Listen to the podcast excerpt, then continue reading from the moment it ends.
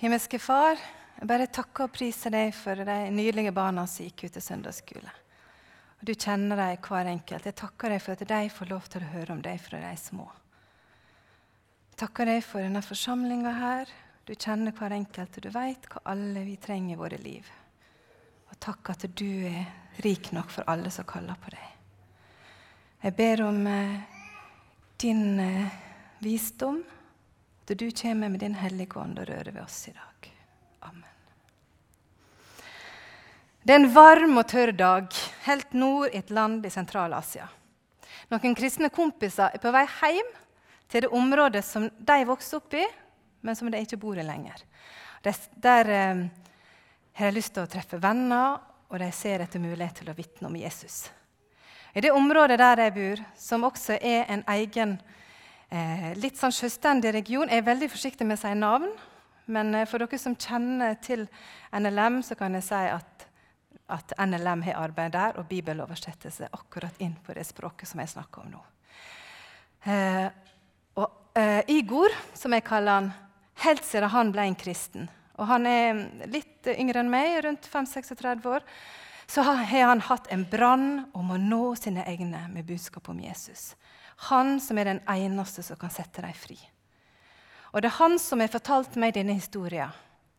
Disse vennene er på vei i bil på en øde landevei. Sola steiker, det er varmt. Og der begynner bilen å harke. Og, stopp. og så stopper han. Midt ute i ingenmannsland. Og mens den ene kompisen står og prøver å kikke under panseret og finne ut hva som er galt, så ser han andre at det er noe ute på et jorde og jobber. Jeg ser for meg at det er bomullsplantasje, for det er det veldig mye av i det landet i Sentral-Asia. Og så sier han til kompisen sin Du, dette her er kanskje eneste muligheten disse her har til å høre om Jesus. Jeg er nødt til å gå og fortelle dem. Så går han bort, men det svaret som han fikk, det hadde han ikke forventa. Og det hadde heller ikke Igor forventa. For det de sa, det var 'Jesus'. Å, ja, han kjenner vi jo. Han er vi blitt kjent med, han er vi så glad i. Og de fikk hakeslepp. Eh, 'Har du møtt noen kristne?' Nei. Um, ja, 'Har du vært i ei kirke noen plass?' da? Eller hvordan i alle dager Har du en bibel, eller hva, hva er dette her? Nei. Vi har hørt om han på radio. Hver uke er det radioprogram på vårt språk med Bibelen som blir opplest. Og så er det noen som stiller spørsmål, og så er det en annen som svarer. Og så er vi blitt kjent med Jesus. Igor er mannen som er stemma til det radioprogrammet. Han lager radioprogram hver uke fra et naboland som blir sendt inn til dette området her. Der de kristne blir forfulgt. Der de må enten grave ned Bibelen sin eller ja, De kan ikke møtes som vanlig i kirke, iallfall offentlig, men ofte så møtes de. Har alle treårsdager og femårsdager som er alle kristne landsbyene samla, så har du fest. Men det du gjør, det er å, å eh, være sammen om Guds ord. Radioen var for disse menneskene her. Det var både eh, Bibelen, undervisning og oppmuntring. Radio hadde nådd inn der andre kristne vitnesbyrd vanskelig kunne nå inn. Inn på en øde landevei i et ørkenland. Og Denne historien fra Sentral-Asia har Igor fortalt meg. Det var ikke han som opplevde det, men det var sånn en oppmuntring for han. Han så ikke de han snakka til, men de hadde blitt sett av Gud.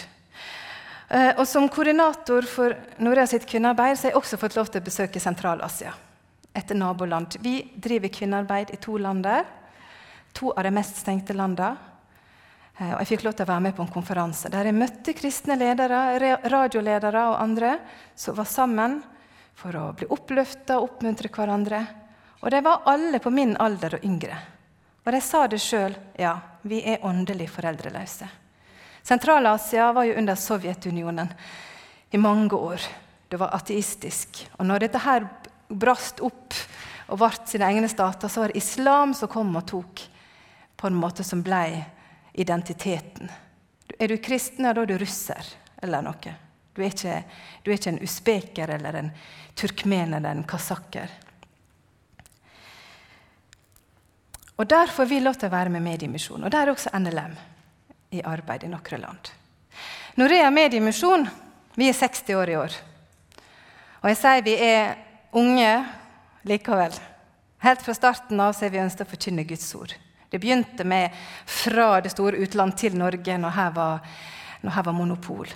Og så ble det ganske fort at vi ønska ut, ut i verden, bak stengte grenser. Og vi vil at mennesker skal bli frelst. Og vi ønsker at de skal få opplæring i den kristne tru og bli Jesu etterfølgere.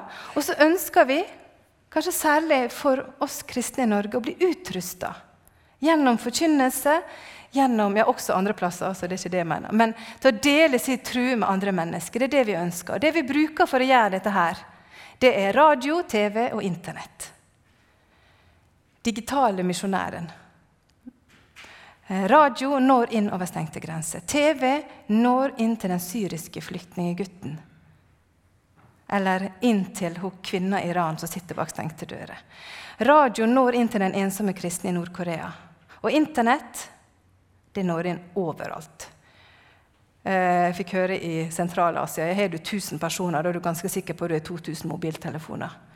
Og kjempebra utbygd mobilnett, så du når inn overalt. Neste. I Norge har vi nettradio, vi har forbønnstjeneste. På vår nye nettside har vi en bønnevegg der folk legger inn bønneemner, så kan de være med og be. Det er veldig viktig for oss at vi er en bønnebevegelse også her i Norge. Vi har eh, Norea-pastoren, vi bruker sosiale medier veldig aktivt. Vi reiser rundt på møter, og vi, og vi lager og produserer radioserier som blir sendt på lokalradioene våre. I utlandet så støtter vi radiosendinger, TV-sendinger. Vi støtter bønnearbeidet til Prosjekt Hanna.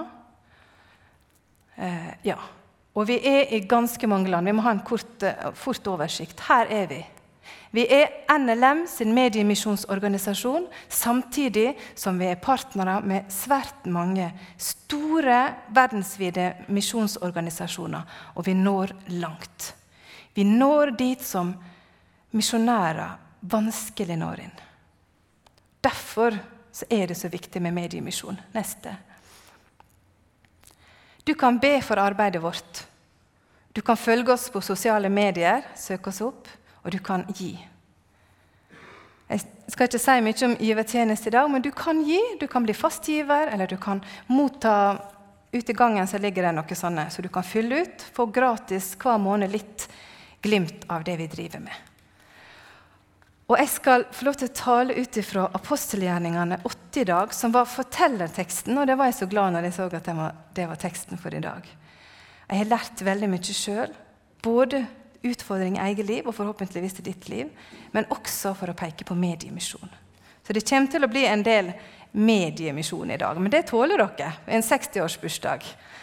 Så Merete Bø vil lese tekster, og det har lært meg mye om Eh, altså Den historien jeg fortalte i begynnelsen, den minner meg veldig om dette her.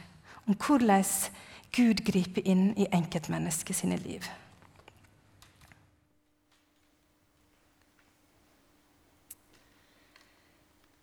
En engel fra Herren talte til Philip og sa:" Gjør deg klar og dra sørover på veien fra Jerusalem til Gaza. Dette er en øde strekning. Philip gjorde seg i stand og dro av sted. Han fikk se en etiopisk hoffmann, en høy embetsmann som hadde tilsyn med skattkammeret hos Kandake, dronningen i Etiopia. Han hadde vært i Jerusalem for å tilbe. Nå var han på vei hjem og satt i vognen sin og leste fra profeten Jesaja. Da sa ånden til Philip, 'Gå bort til vognen og hold deg tett opptil den.' Philip sprang bort, og da han hørte at han leste fra profeten Jesaja, spurte han, Forstår du det du leser? Hvordan skal jeg kunne forstå, sa han, når ingen forklarer det for meg? Så ba han Philip komme opp i vognen og sette seg ved siden av ham. Stikkskriften han holdt på å lese, var dette. Lik en sau som føres bort for å slaktes, lik et lam som tier når det klippes, åpnet han ikke sin munn. Da han var fornedret, ble dommen over ham opphevet. Hvem kan fortelle om hans ett? for hans liv er tatt bort fra jorden. Hoffmannen sa da til Philip, Si meg, hvem er det profeten taler om her? Er det om seg selv eller en annen? Da tok Philip til orde. Han begynte med dette skriftstedet og forkynte evangeliet om Jesus for ham. Mens de kjørte langs veien, kom de til et sted hvor det var vann. Og hoffmannen sa, Se, her er vann. Hva er til hinder for at jeg blir døpt? Philip svarte, Hvis du tror av hele ditt hjerte, kan det skje. Da sa han, Jeg tror at Jesus Kristus er Guds sønn.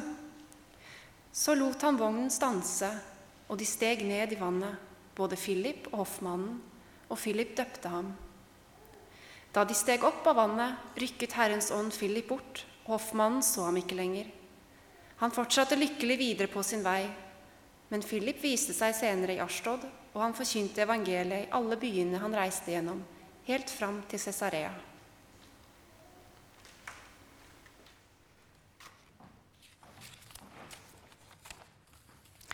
Jeg hadde lyst til å invitere deg til å vandre litt med meg i, i denne historien.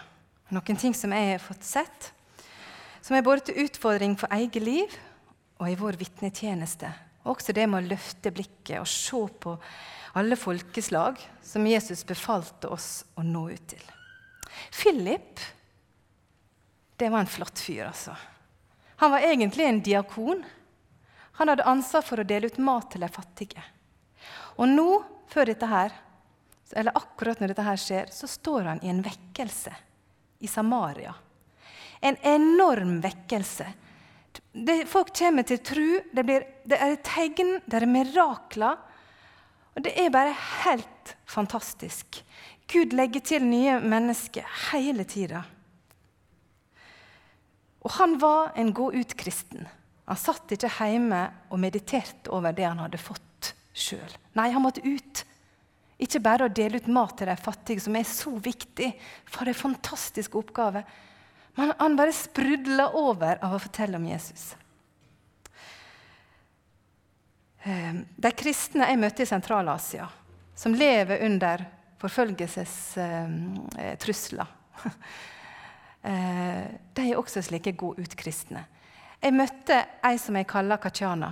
Vi var på det som eh, som blir sagt å være Sentral-Asia sitt Mekka. Der jeg kommer fra alle land i Sentral-Asia for å be, der det veldig veldig hellig skal være. Vi var der. Katjana hun, i, hun er som frivillig i Prosjekt Hanna. Og Hun grein og grein og grein. og grein. Så sa hun de får jo ikke svar her. Og så Mens eh, jeg var på en suvenirshoppe som seg hør og bør, så når jeg kom ut igjen, så satt hun på en benk. Og så spurte jeg etterpå hva du snakka med deg om. da? Nei, jeg fortalte dem det at dere får ikke svar her. Dere må finne Jesus. Philip var slik. Og så sto han i denne vekkelsen. Og jeg ser for meg at han burde jo egentlig bare fortsette møtevekene. For her skjer det ting. Men så kommer Gud og Guds ånd til Philip, en engel, og så sier gå på dette øde landområdet mellom Jerusalem og Gaza Det er det siste området før Afrika. Før det store, ukjente området. Gå dit. Hva logikk er det i det egentlig? Hva logikk er det at du skal gå fra den store vekkelsen med fantastiske tegn under, til ødemarka?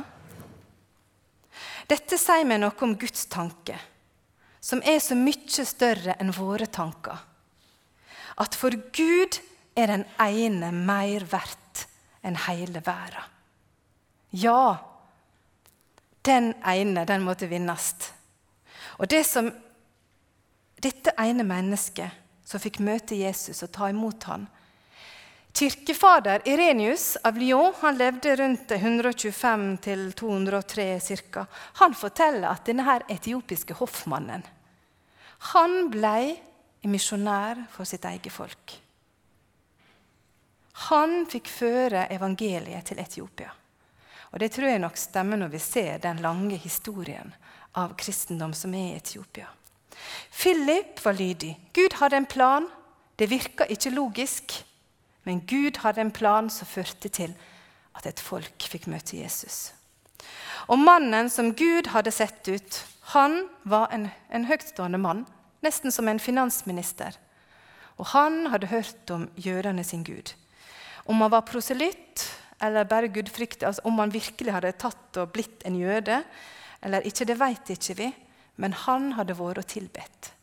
Og så har han fått en bokrull da, fra Jesaja, og så satt han der i vogna si og las. Og Vi vet jo sjøl at det, det, kan være vanskelig å forstå Guds ord, vi som har det på vårt språk. Og vi er heldige. Vi har bibelkommentarer, vi kan google, og vi kan slå opp og vi kan spørre hverandre. Men der satt denne etioperen og undra seg. Hva i alle dager er det han snakker om, han Jesaja? Hvem er dette her lammet som er lidende? Og Philip brukte den anledninga han fikk. Han hørte hva det du leser, og så begynte han å forklare. Og Det er en utfordring til meg og til deg. Bruker vi anledningene vi får, når det er lite sånn åpning til å vitne om Jesus? Tør vi å la Gud få lede oss i hverdagen? Tør vi å, la, å bruke anledningene Han gir oss, for å forklare mennesket litt om hvem Jesus er? På Facebook i går var det noen som hadde posta Husk at eh, Det var fra Toby Max, det var engelsk. Men husk at du er kanskje den eneste Bibelen noen møter i dag. Det ble en utfordring for meg tenker jeg at tro og religiøsitet er privatsak. Og at eh, ja, ja, folk vet jo hvor de skal gå om de skal høre. Det har jeg hørt en del på noen bedehus. Heldigvis eh, så får vi lov til å gå ut og gjøre dørene litt, dørtersklene litt lavere for å komme inn og lytte. I Sentral-Asia Jeg holder meg masse der i dag. Det er Øst-Afrika som er månedens misjonsland men nå fikk vi en video derifra. Men i Sentral-Asia er det mange som ikke har mulighet til å få Guds ord. Bibelen blir oversatt til flere og flere språk, men hvordan få den når det ikke er lov å ha den?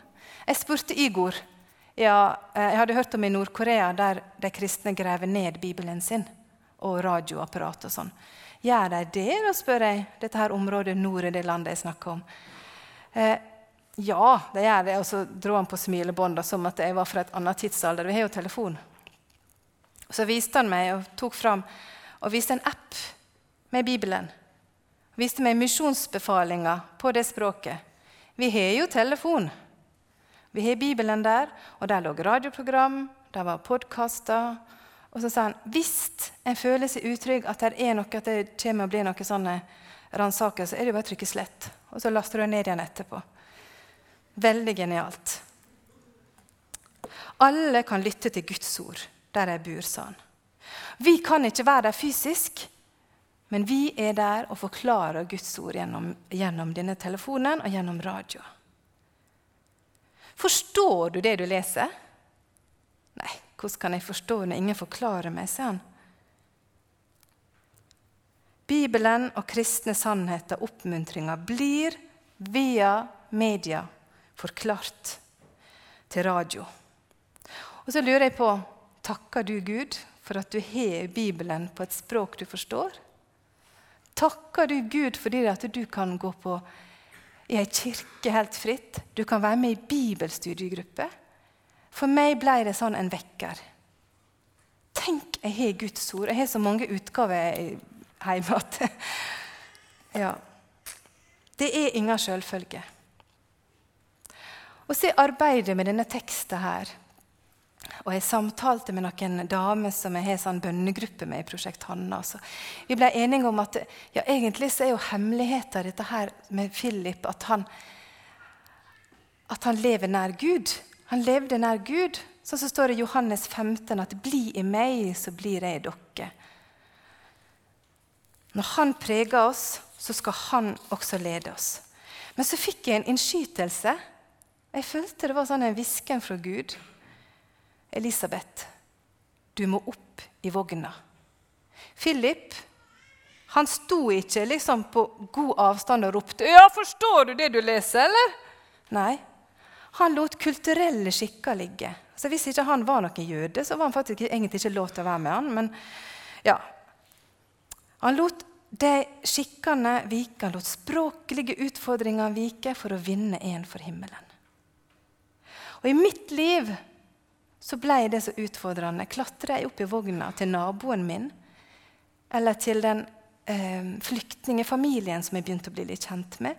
Bruker jeg tid? Og så var det sånn at Philip skulle gå til den ene. Vi skal ikke til alle, men den som Gud viser oss til.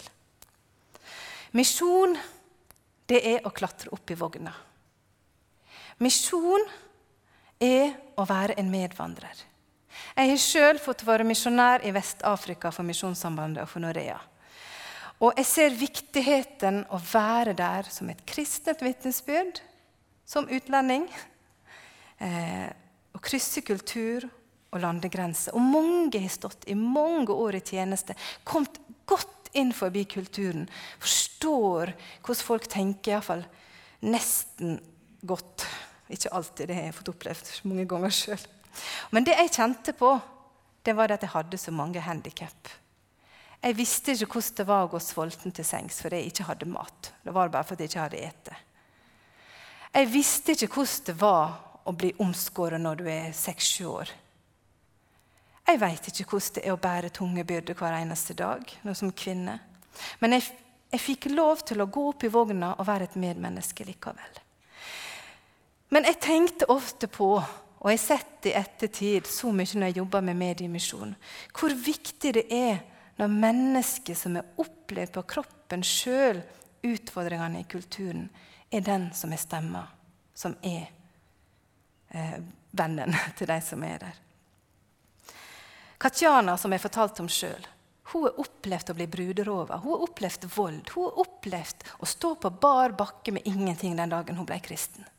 Kasta ut av heimen sin. Når hun forteller at det bare Jesus kan gi deg fred, når hun forteller det på radio, da forstår jeg det. Derfor er det så viktig for oss i Norea å arbeide gjennom lokale medarbeidere. At vi er baktroppen som eh, gjennom våre medarbeidere er med på å oppmuntre, løfte fram og heie. Men det er du som er stemma, for det er deg de kjenner. Eh, vi jobber med mediemisjon i Elfenbenskysten. Med Mao-folket. Jostein, min mann, han var leder for radioarbeidet. Eh, og Jeg hadde lyst til å ta dere med nå mot slutten til en liten en, en opplevelse vi hadde der.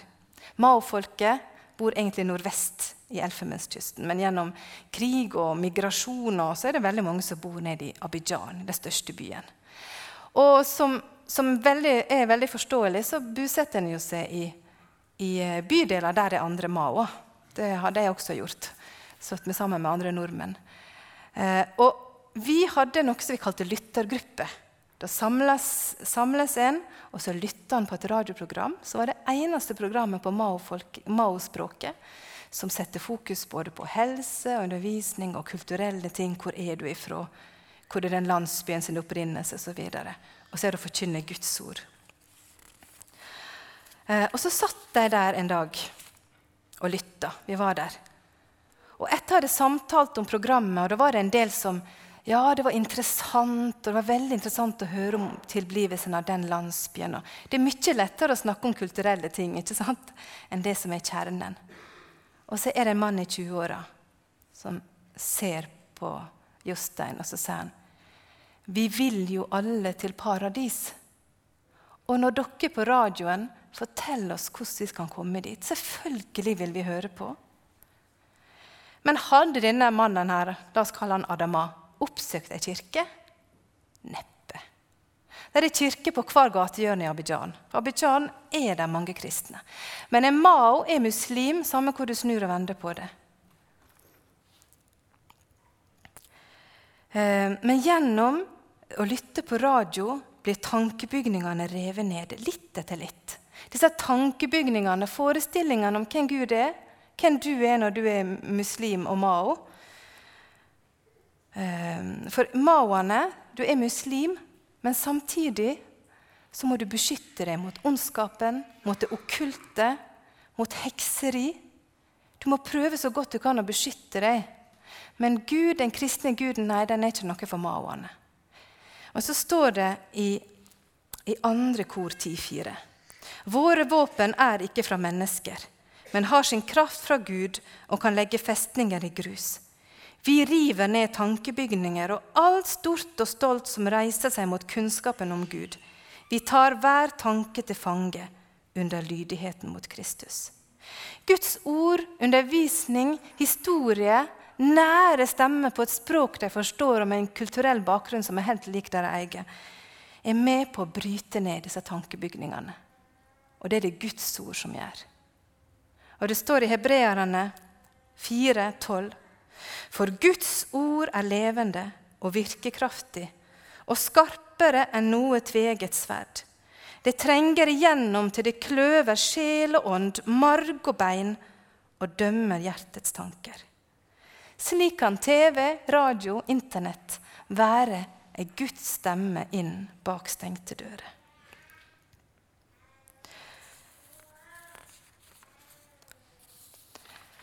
Jeg har snakka en del om Sentral-Asia, jeg har vært borti i Etiopia.